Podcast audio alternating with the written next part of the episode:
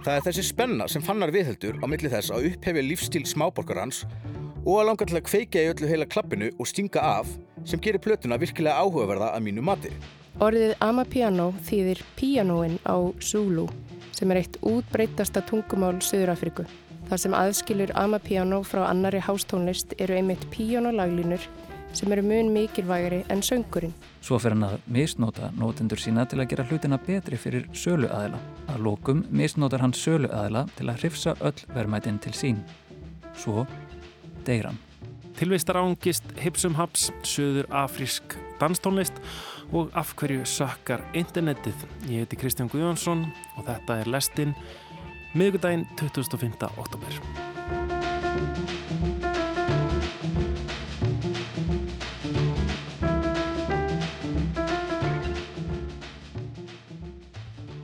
Já, við ætlum að tala mikið um tónlist í lestinni í dag.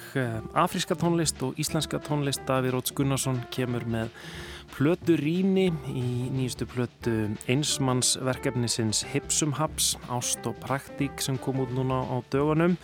Heyrum það undir lokþáttar. Við fáum líka til okkar nýjan pislahund Þórtísi Nadju Semisjat sem mætir með pistil um Amapiano Um, danstónlistastefnu sem var til í fátakra hverfum Jóhanneseborgar í Suður Afríku uh, og nýtur mikill að vinsalda ekki síst á TikTok. En áður en við heyrum það, þá ætlum við að byrja á internetinu.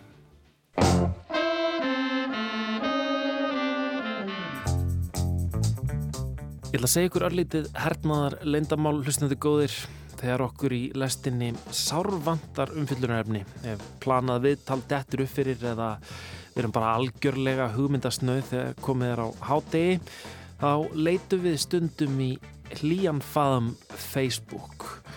Við leitum að spennandi viðburðum sem eru skráðir á viðburðasíðu miðlsins því að eftir að viðburðadagatal Greipvæn var ómarkvissara þá varð Facebook Events um tíma lang besti staðurinn til að fá upplýsingar um það sem var að gerast í Reykjavík. Enda mikill meiri luti Íslandinga virkur á miðlunum, listamenn og viðburðarhaldarar þar á meðal. En svo gerist það fyrir einhverjum mánuðum, kannski komið ár síðan, ég man það ekki, en síðan varð algjörlega vonlaus, skýt léleg. Ég veit ekki hvaða var, leitamöguleikarnir fór að högta, síðan fór Facebook Events að sína mér viðbörði í útlöndum, fór að sína mér æfleiri óræða hugleislu viðbörði og allt í einu var orðið vonlaust að finna spennandi tónleika, myndlistasýningar eða útgáfuhóf. Skíturinn hrúaðist bara upp, netnámskeiðum sjálfströst, pappatónleikar í Dublin eða Meditation for Peace in Ukraine var bara út um allt. En þrátt fyrir þetta held ég áfram að fara inn á Facebook events og leita og leita og leita, skrolla og skrolla og finn auðvitað aldrei neitt. Facebook hefur reyndar í heilsinni verið að raka að öllu leiti í langan tíma.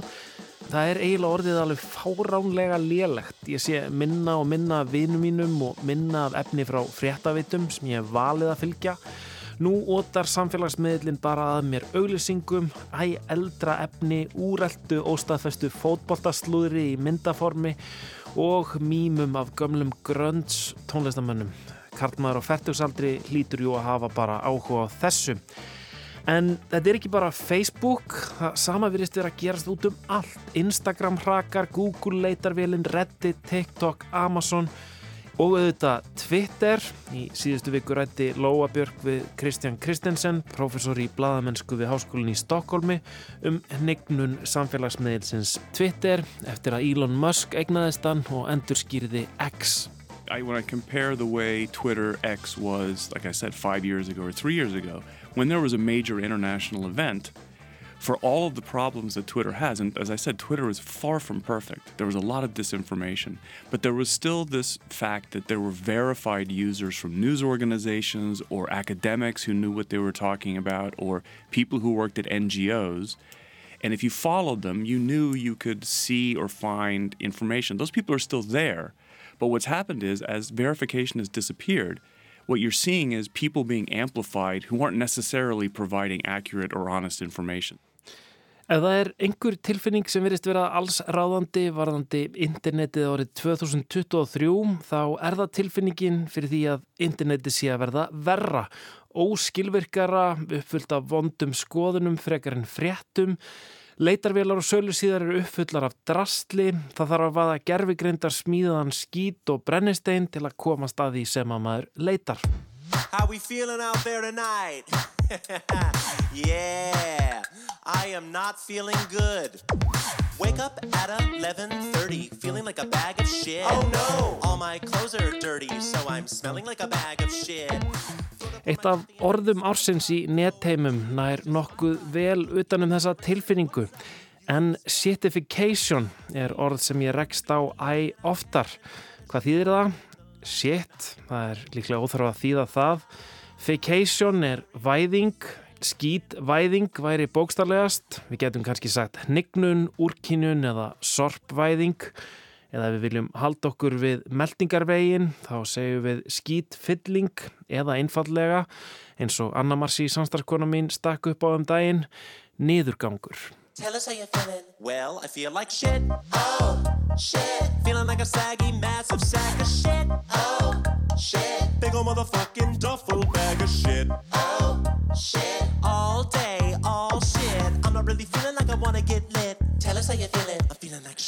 Shit. Hugtakið Unshitification kom fyrst fram undir lok síðasta árs og í dag þegar ég leitaði á Google fæ ég 47.200 leitar niðurstöður. Það hefist leiði gegn.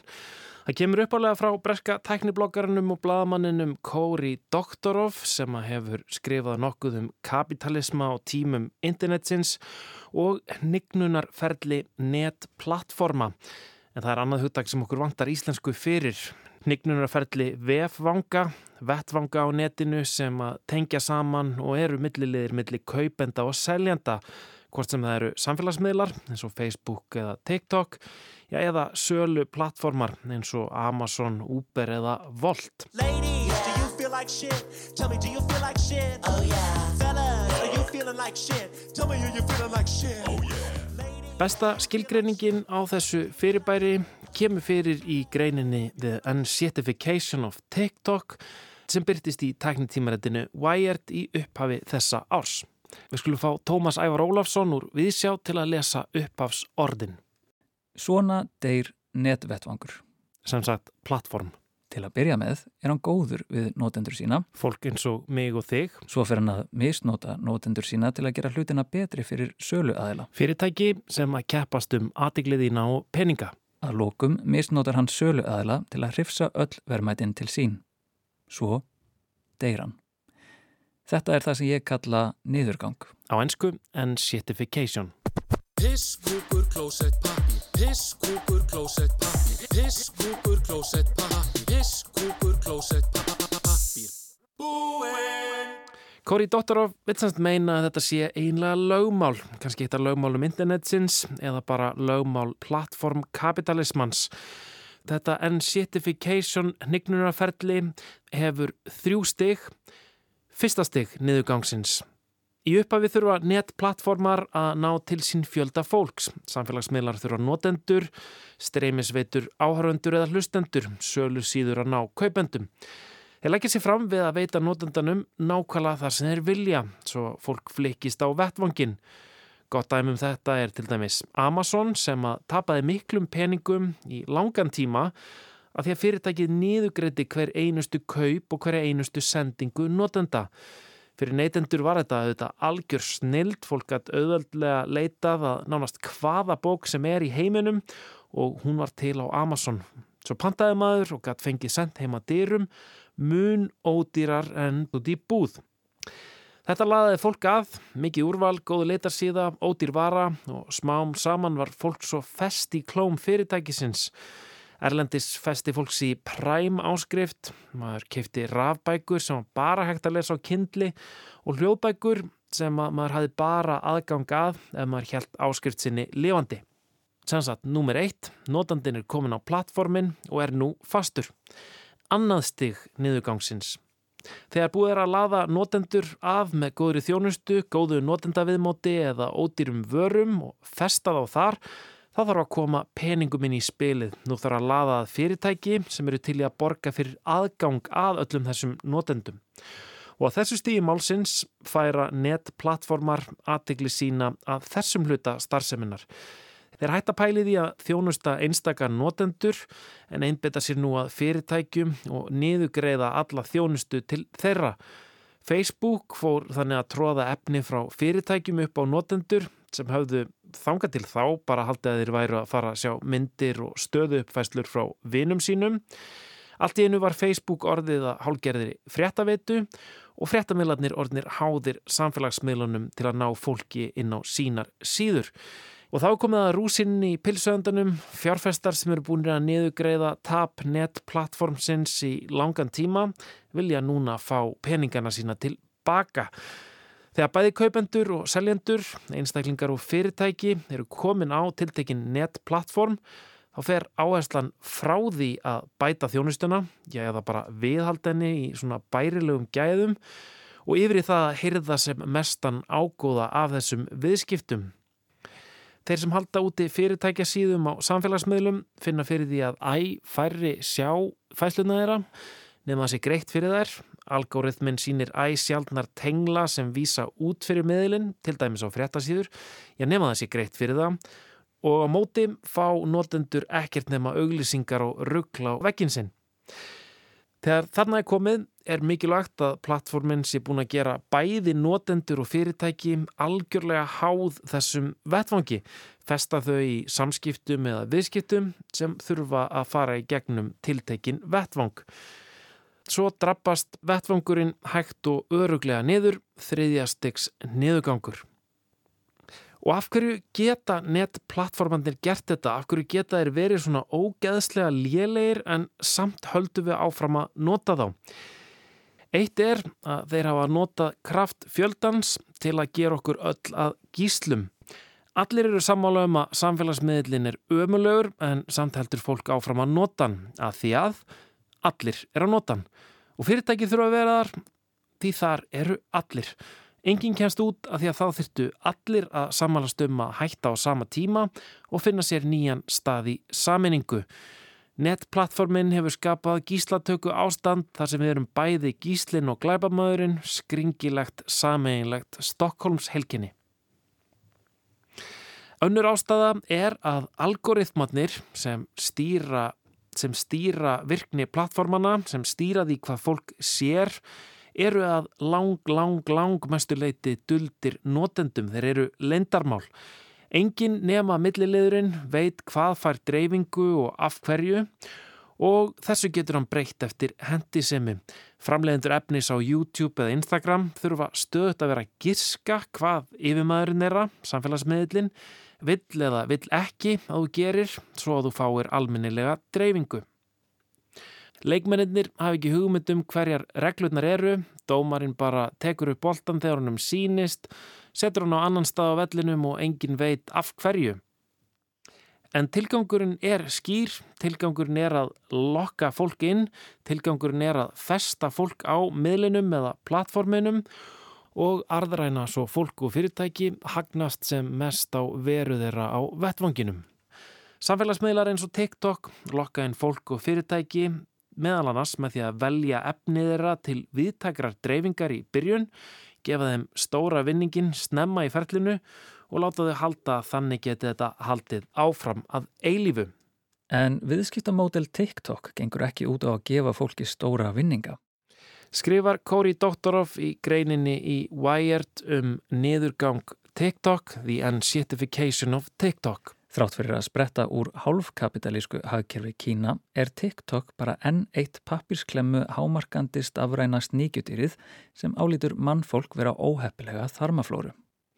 TikTok mun beina ógefis aðtegli til fólksins sem það vil fjötra við miðlinn, beinir henni þangað þar til það er fast.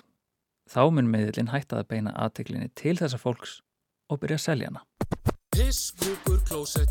Piss, kúkur, klósett, pappir Piss, kúkur, klósett, pappir Piss, kúkur, klósett, pappir Búinn. Ekki gardur, gang, ekki batteri Ekki turtata, ekki tiggjó Ekki neitt annað en Piss, kúkur, klósett, pappir Piss, kúkur, klósett, pappir Bíti, bíti, hvernig var þetta áttur? Hvað fer í klósetti?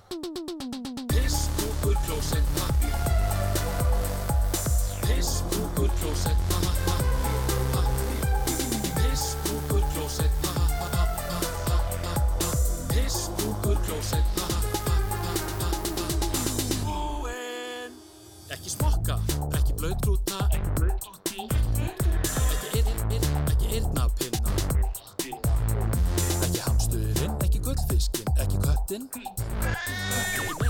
Ekki neitt annað, en piss, kúkur, klósett, pappir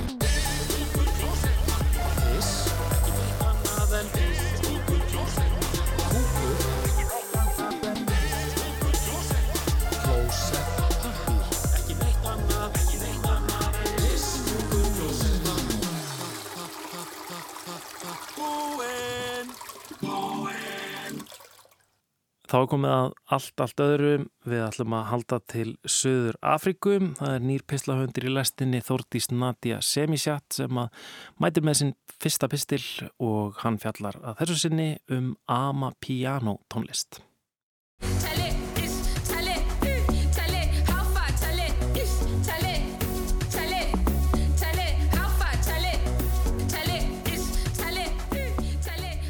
How far, tell Ama it. Piano er nýleg tónlistastefna sem var til í upphafi síðasta áratögar í Gauteng héraði í Suðurafriku. Tónlistastefnan hefur skipað stóran sess í hás og neðanjarðar tónlistasinninni í fátæktar útkvarfum Jóhannesaborgar, stærstu borgar hérasins. Tónlistinni er hægt að lýsa sem blanda af deep house, jazzi, afrobeats og kwaito. En kwaito er afrísk hástónlist með hægari takti en gengur og gerist í hásinunni.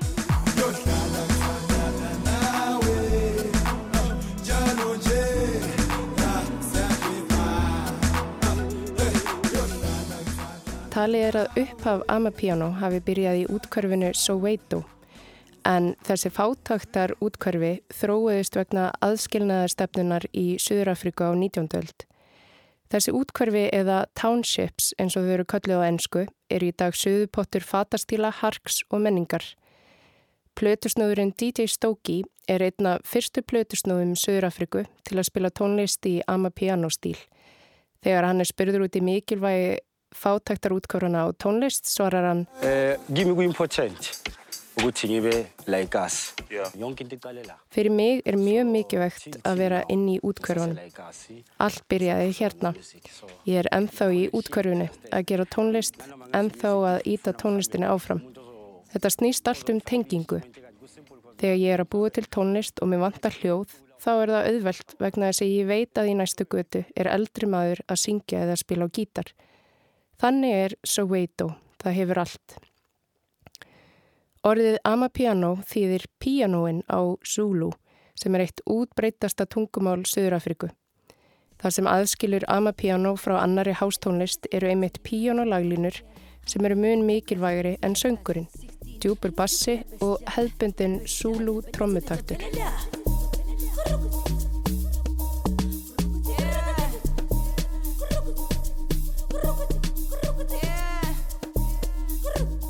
Síðustu fjögur árin hefur Amapiano náð vinsaldum víðum heim og hefur til dæmis hinn heimsþekta hljómsveit Major Lazer gefið út heila plötu í Amapiano stíl fyrir á þessu ári.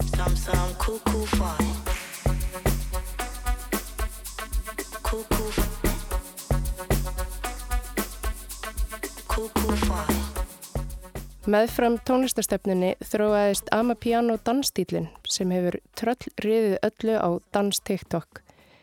Dansstílinn einkennist af hröðum fótarhreyfingum og einungruðum og snöggum hreyfingum með rassi og brjóskassa. Söngkonan og dansarin Kamo M. Fela er einn heitasti Amapiano artistinn í dag en söngkonan skaust upp á stjórnuhiminin með því að sína danshæfileika sína á TikTok. Spurð út í að Amapiano sé lífstíl, svara söngkonan. Það er hverstagurinn, þú vaknar og þú borðar Amapiano, þú drekkur Amapiano. Margir lýsa Amapiano sem lífstíl þar sem ákveðin tíska sem á uppruna sinni í götumenningu Suðurafriku fylgir menningunni. En eins og greint var frá áður hefur afriski hás tónlistastílinn Kwaito haft mikil áhrif á bæði hljóm og tísku Amapiano. Quaito tónlistin var sem vinsalust í kringum síðustu aldamót í Suðurafriku og einkendist svo tíska af afslöppuðu hjólabrættalúki eins og konverskóm, dikkíshöttum, tínosbuksum og golfstuttermabólum og hefur þessi tíska verið endurvakin í kjölfar vinsalda Amapiano. Það er að segja þegar það kemur að karlmannstísku en á tíma Quaito vinsalda var menningi mun karlægari en hún er í dag.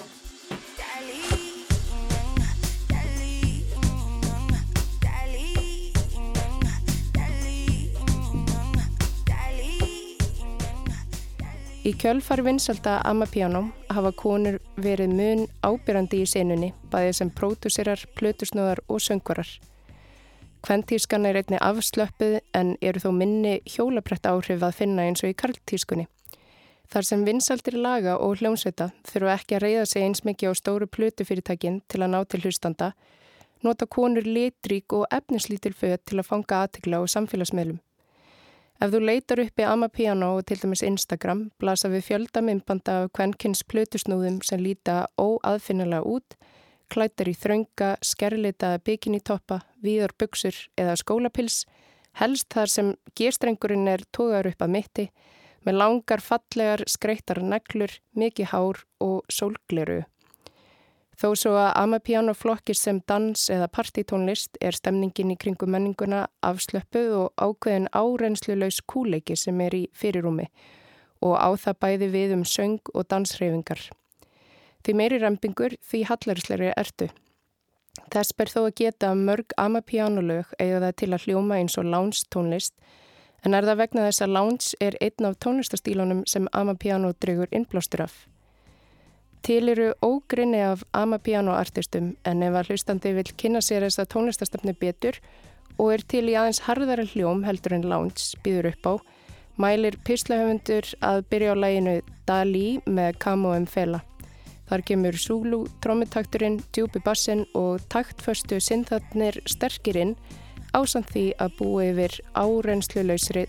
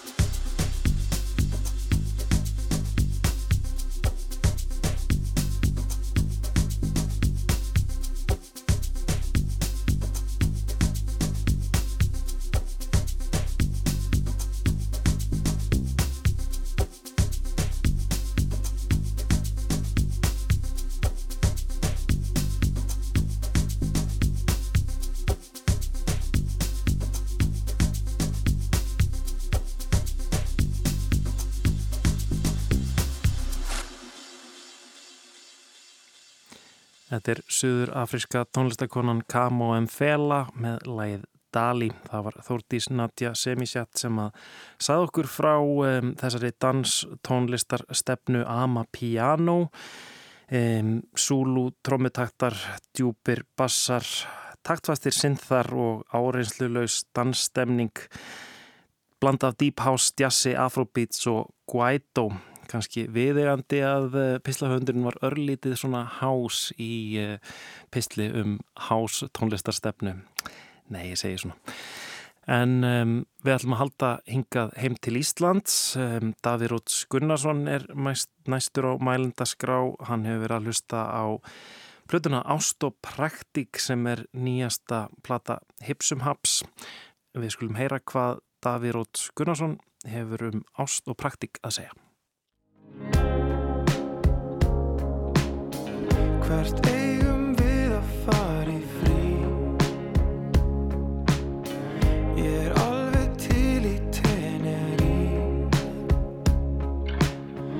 Einhver staðar þar sem hægt er að bræða burtu áhyggjur og fá vín. Hér heyrðum við titilagið af Ást og Praktík, þriðju breyðskifu einsmannsveitarnar Hipsumhaps.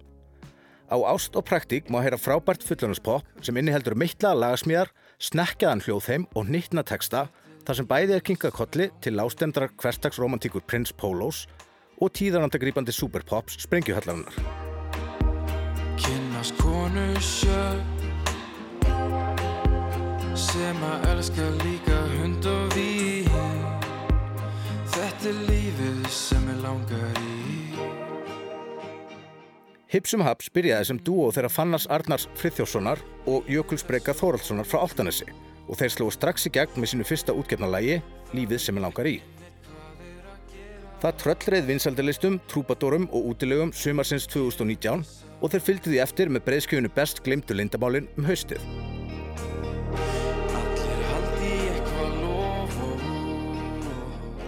Það fór heldur minna fyrir annari plötunni lög síns tíma sem kom út tveimur árum síðar og átti fína spretti en það hefur líklega háðinni að koma út á COVID-árunu 2021. Þá hafði dúoð breyst í Uno og Fannar Örd Friðjósson orðin eini meðlumur Hipsumhaps. Og nú er komin út þrýða breyðskifan Ást og Praktík sem er tekin upp með Kristni Þór Óskarsinni sem sá um upptökur, gítar og bassaleik á samt að vera meðhauðundur allarlega plötunar. Af öðrum sem að henni komu mætti nefna Tómas Jónsson á hljómborð, Þorvald Haldursson á trommur og Óskar Guðjónsson á saxafón. Jarðaður Aðeðal kvendi Skrifa smá skilabóð Teka mér mynd og sendi Það er eitthvað hjartan í mér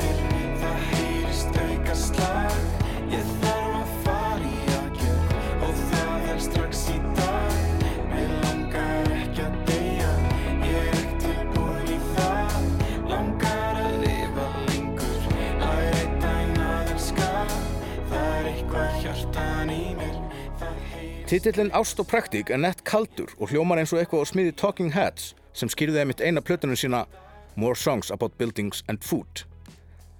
Ást og Praktík hljómar eins og mótsögn. Ástin er blóðheit og stjórnlaus, getur helst yfirmann við fyrstu sín og lítur ekki röklu um lögmálum. Praktíkin er eftir á móti hið útreiknanlega í mannlegri tilvist, eitthvað sem á auðvöldlega mæla og bera saman við annað. En þegar þú hugsar betur eru auðvitað praktíkisar hliðar á ástinni. Hvað er kærustupar annað en eignarhaldsfélag utan um kaup og fastegn með færri svefnarbryggjum, sameinlegt áhorf á sjónvarsþætti og viðhald á hagvexti og mannfjölda? Ástin er í það minnsta mun praktískari eining heldur en einstaklingurinn á helsjúkum íslenskum legumarkaði.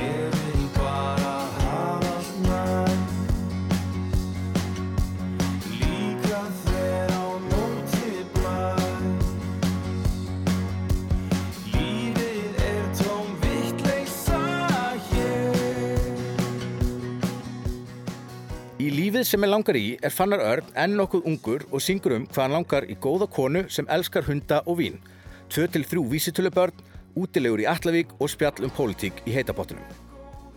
Á ást og praktík er hann orðin fullorinn og búinn að fá megnið af lífinu sem hann langaði í. En hljómar eins og hann sé farin að efast aðeins um hvort hann langi virkilega ennþá í það. Ljóðmannandi plötunar vill alltaf hafa allt næs, hann er bara að reyna að hafa gaman. Hann langar að kaupa dróna, hjól og ramagsbíl sem að vonast til að gera lífans aðeins betra. Praktísk hamingjubestun sem hringar sig eins og kirkislanga utan um sálarlíf söguhautunar í gegnum plötuna. En á sama tíma er einhver tilverstilegur harmur og nagandi ángist sem mara í hálfu kafi undir yfirborðinu.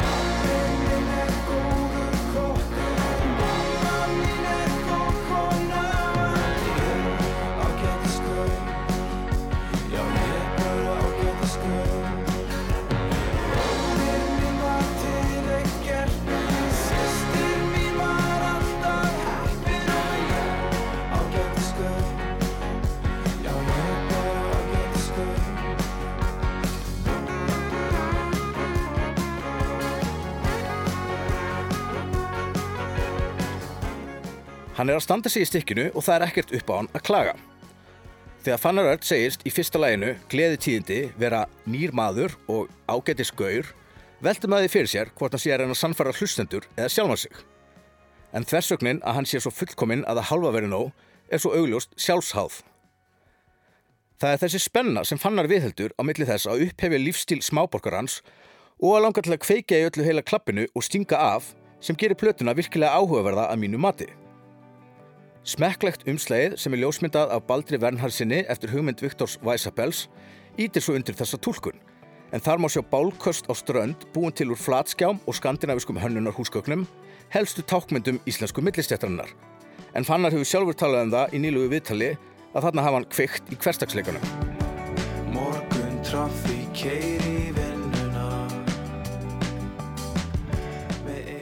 Maður er aldrei alveg viss hvað maður hefur sögumann plötunar. Er það fótbólstastrákur af áltanisinu að reyna að vera arti eða er hann innstinni komplexaður hipster og hatari að gera sitt besta til að aðlegast íslenska normkornu? Í ájæða að hafa áhyggjur lýsir hann mjög vel skrifstofulífi í þjónustuhagkerfinu að hjakkast í hamstrahjóli atvinnulífsins. Skrifborði mitt er með upphækkun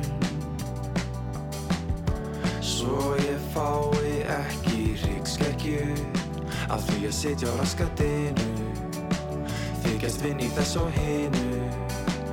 En er í raun bara að skoða á netinu.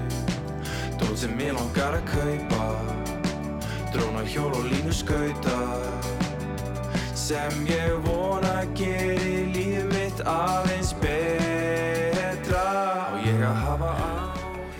Þarna finnst mér örla á melankóliskum millistættar trega af svipari tegund og var ábyrjandi í 90s kvikmyndum eins og American Beauty, Office Space og Fight Club.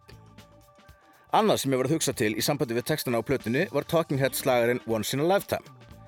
Þú átt kannski kraftmikið bíl, stórt hús og fallega konu, en hvað í anskotunum ertu samt eiginlega að gera hérna?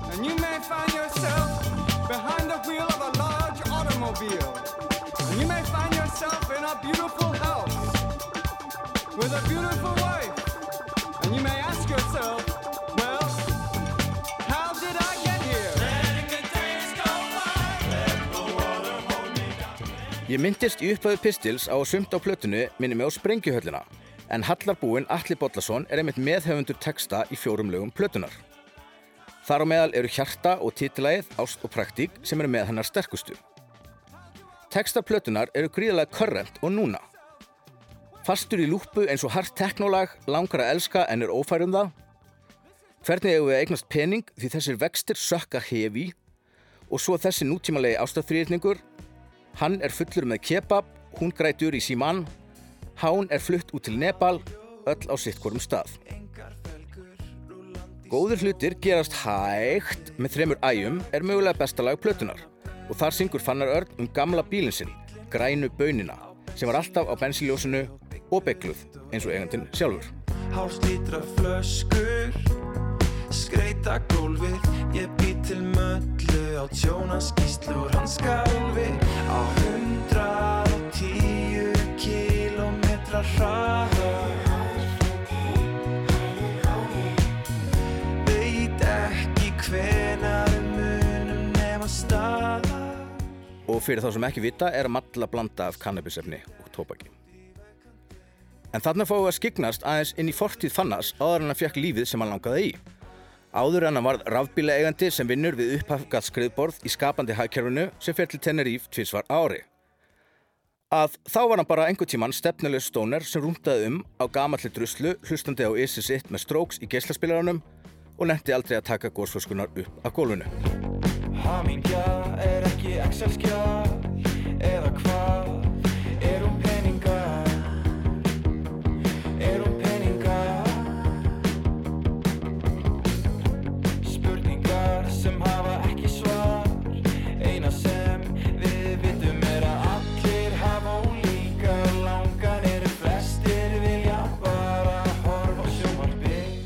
Ást og praktík er alvöru breyðskifa í lengd og umfangi, 12 lög á 50 mínútum og fá að snögga bletti þar að finna. Það eru helst síðustu tvö lög fyrirhliðarinnar, SMS og hugmyndin um þig sem ég finnst aðeins slakari heldur en önnur. Tekstin í SMS er eins og fingrasetning SMS-a í gömlum Nokia síma, fín hugmynd en gengur ekki alveg upp og er erfitt að skilja í praktík. Hugmyndin um þig fannst mér síðan helst til of væmið og sjálfsörpulegt til að ég tengdi við það. En flest annað er mjög gott.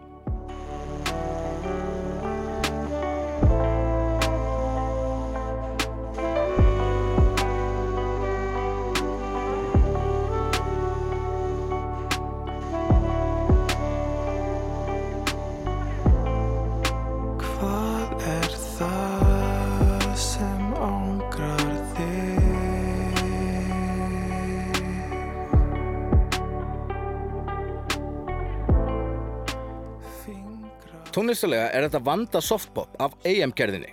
Hugsið Fleetwood Mac, Steely Dan eða jafnvel Doobie Brothers. Clean gítarsound, dúnmjúkir synþar og brestur reglulega á með snekkuðum saxofónsólóum í bóði Óskars Guðjónssonar sem renna niður eins og bleikir koktelar í karabísku sólsetri. Há dramatískir hljómatnir og soundið í upphafslegi setni hliðarinnar, Annan heim, minnir mig talsvert á Wicked Game eftir Chris Isaac og það er svo sannlega ekki leiðum að líkjast. Fannar er naskur á límkendar söngmelodýr og grípandi brýr með viðkunnulega rödd og það sem skiptir einna mestumáli hér, gríðarlega skýrmæltur. Er þetta ást eða er ég að miskilja allt sem að heimurinn er? Ég var að pæla, viltu byrja með mér? Ó, mun það næja að vera eins og ég er? Því ég sé ekki sólina fyrir þér Komt og horð og hana með mér Það getur verið þunn lína á milli þess að textar séu væminir og takki eða hjartnamir og hnittnir.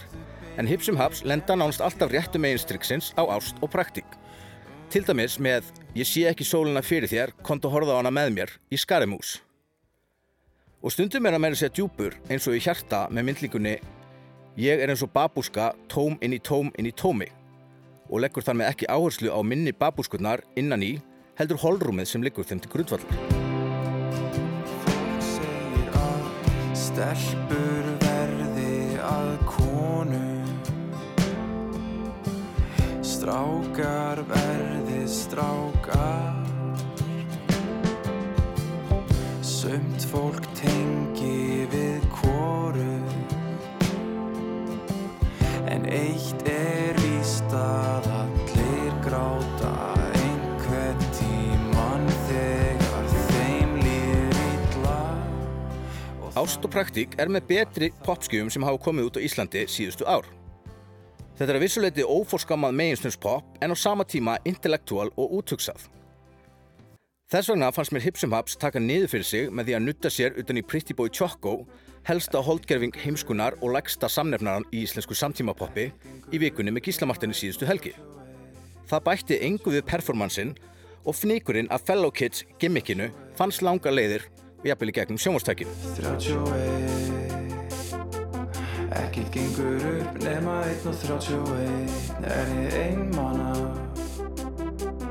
Er ég eingar Deil ekki með neinum Nema mér og einum Ég sá hins vegar Hipsum Haps koma fram á svona frábærlega velspilandi hljómsveitinni sem lék inn á plötuna á útgáfu tónleikum á Keks og það er einslega sem ég mæli hygglust með. Fannar Örn Freyþjósson er af Áltanesinu, alls ekki Garðabæ og það er viðkvæmt mál eins og segir í uppafslæðinu.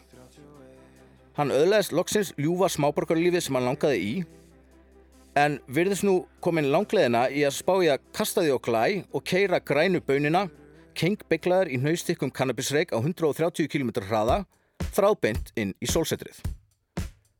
Lestin fagnar þeirri vegferð.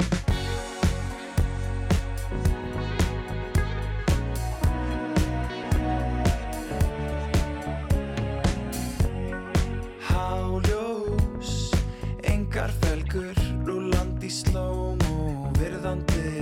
reglur, græna baunin, gamli bílinn minn, á bensínljósi og bygglu líkt og eigandinn, hálslítra flöskur, skreita gólfið, ég bý til möllu á tjónaskíslu úr hans skálfi, á hundrað og tíu kílómetra hraða.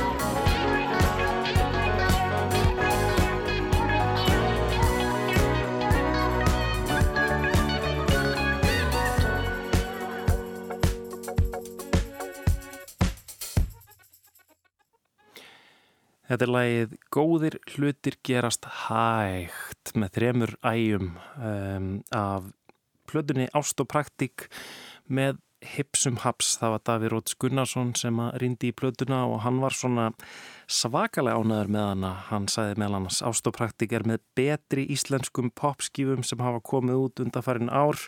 Þetta er að vissuleiti óforskamað mainstreams pop en á sama tíma intellectual og úthugsað. Þannig að hann var ekkert að skafa því, var mjög ánæðið með þetta en um, ekki sáttur með að Hipsum Haps hafi verið að vinna með Pretty Boy Choco sem er ekki góður pappir uh, í hans bókum. Davíð Róts Gunnarsson, tónlistagagrindi lestarinnar, er ekkert að skafa af hlutónum. En við þurfum að leiðrétta að uh, auðvita heitir höfuðpaur Hipsum Haps fannar Ingi Friðþjósson. En já, lestin er svona uh, um það bil að uh, renna á, enn á síðustu stöð þennan miðugudaginn. Við höfum samt tíma í smá tónlist. Uh, við ætlum að heyra lag frá bandarísku hljómsendinni Youth Lagoon. Þetta er lag sem að heitir Rabbit, kanína.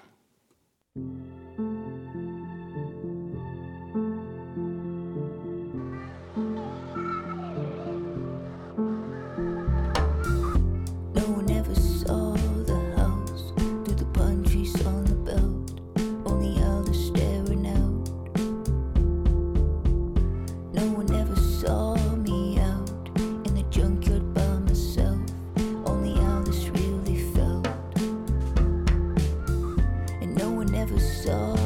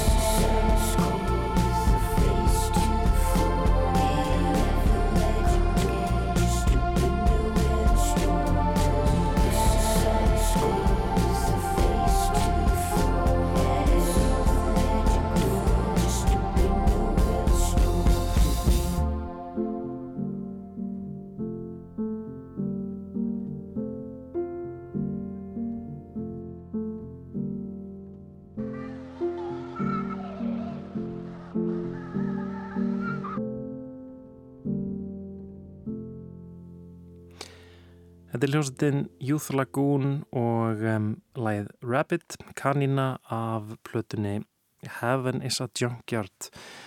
Þetta er verkefni Trevor Powers sem kemur frá Idaho í bandaríkjörnum. Hann hefur starrakt uh, þetta verkefni í einhver 10-15 ár, gefið út fjórar plötur. Heaven is a Junkyard, fjóruða platan sem kom út um, á þessu ári. En já, við erum komin að leiðalokum í lestinni þennan miðugudaginn. Við um, höfum velt fyrir okkur internetinu og tónlist. Um, vorum með pistil í, í byrjun um uh, hugtækið N-shitification sem að um, e, heyrist æg oftar uh, í umræðum um netið núna um hvers vegna internetið er orðið svona lélegt hvers vegna samfélagsmiðlar og hinn er ímsu vefplattformar, vefvettvangar eru farnir að vera bara lélegir og uh, auðvitað snýsta allt um peninga. Uh, við höfum líka heyrt um íslenska tónlist. Uh, Davíð Róts Gunnarsson rýndi í nýjustu plötu Hipsum Haps, Ást og Praktik og var mjög ánæður, sagði að þetta væri nú bara einn besta plata ársins í hans bókum. Og svo heyrðum við um söður afríska danstónlistarstefnu Ama Piano.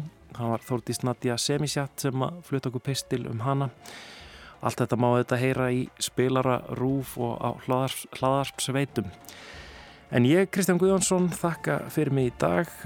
Tæknumæður var Lítja Gretarsdóttir. Við verum hérna aftur á sama tíma á morgun. Heyrums þá.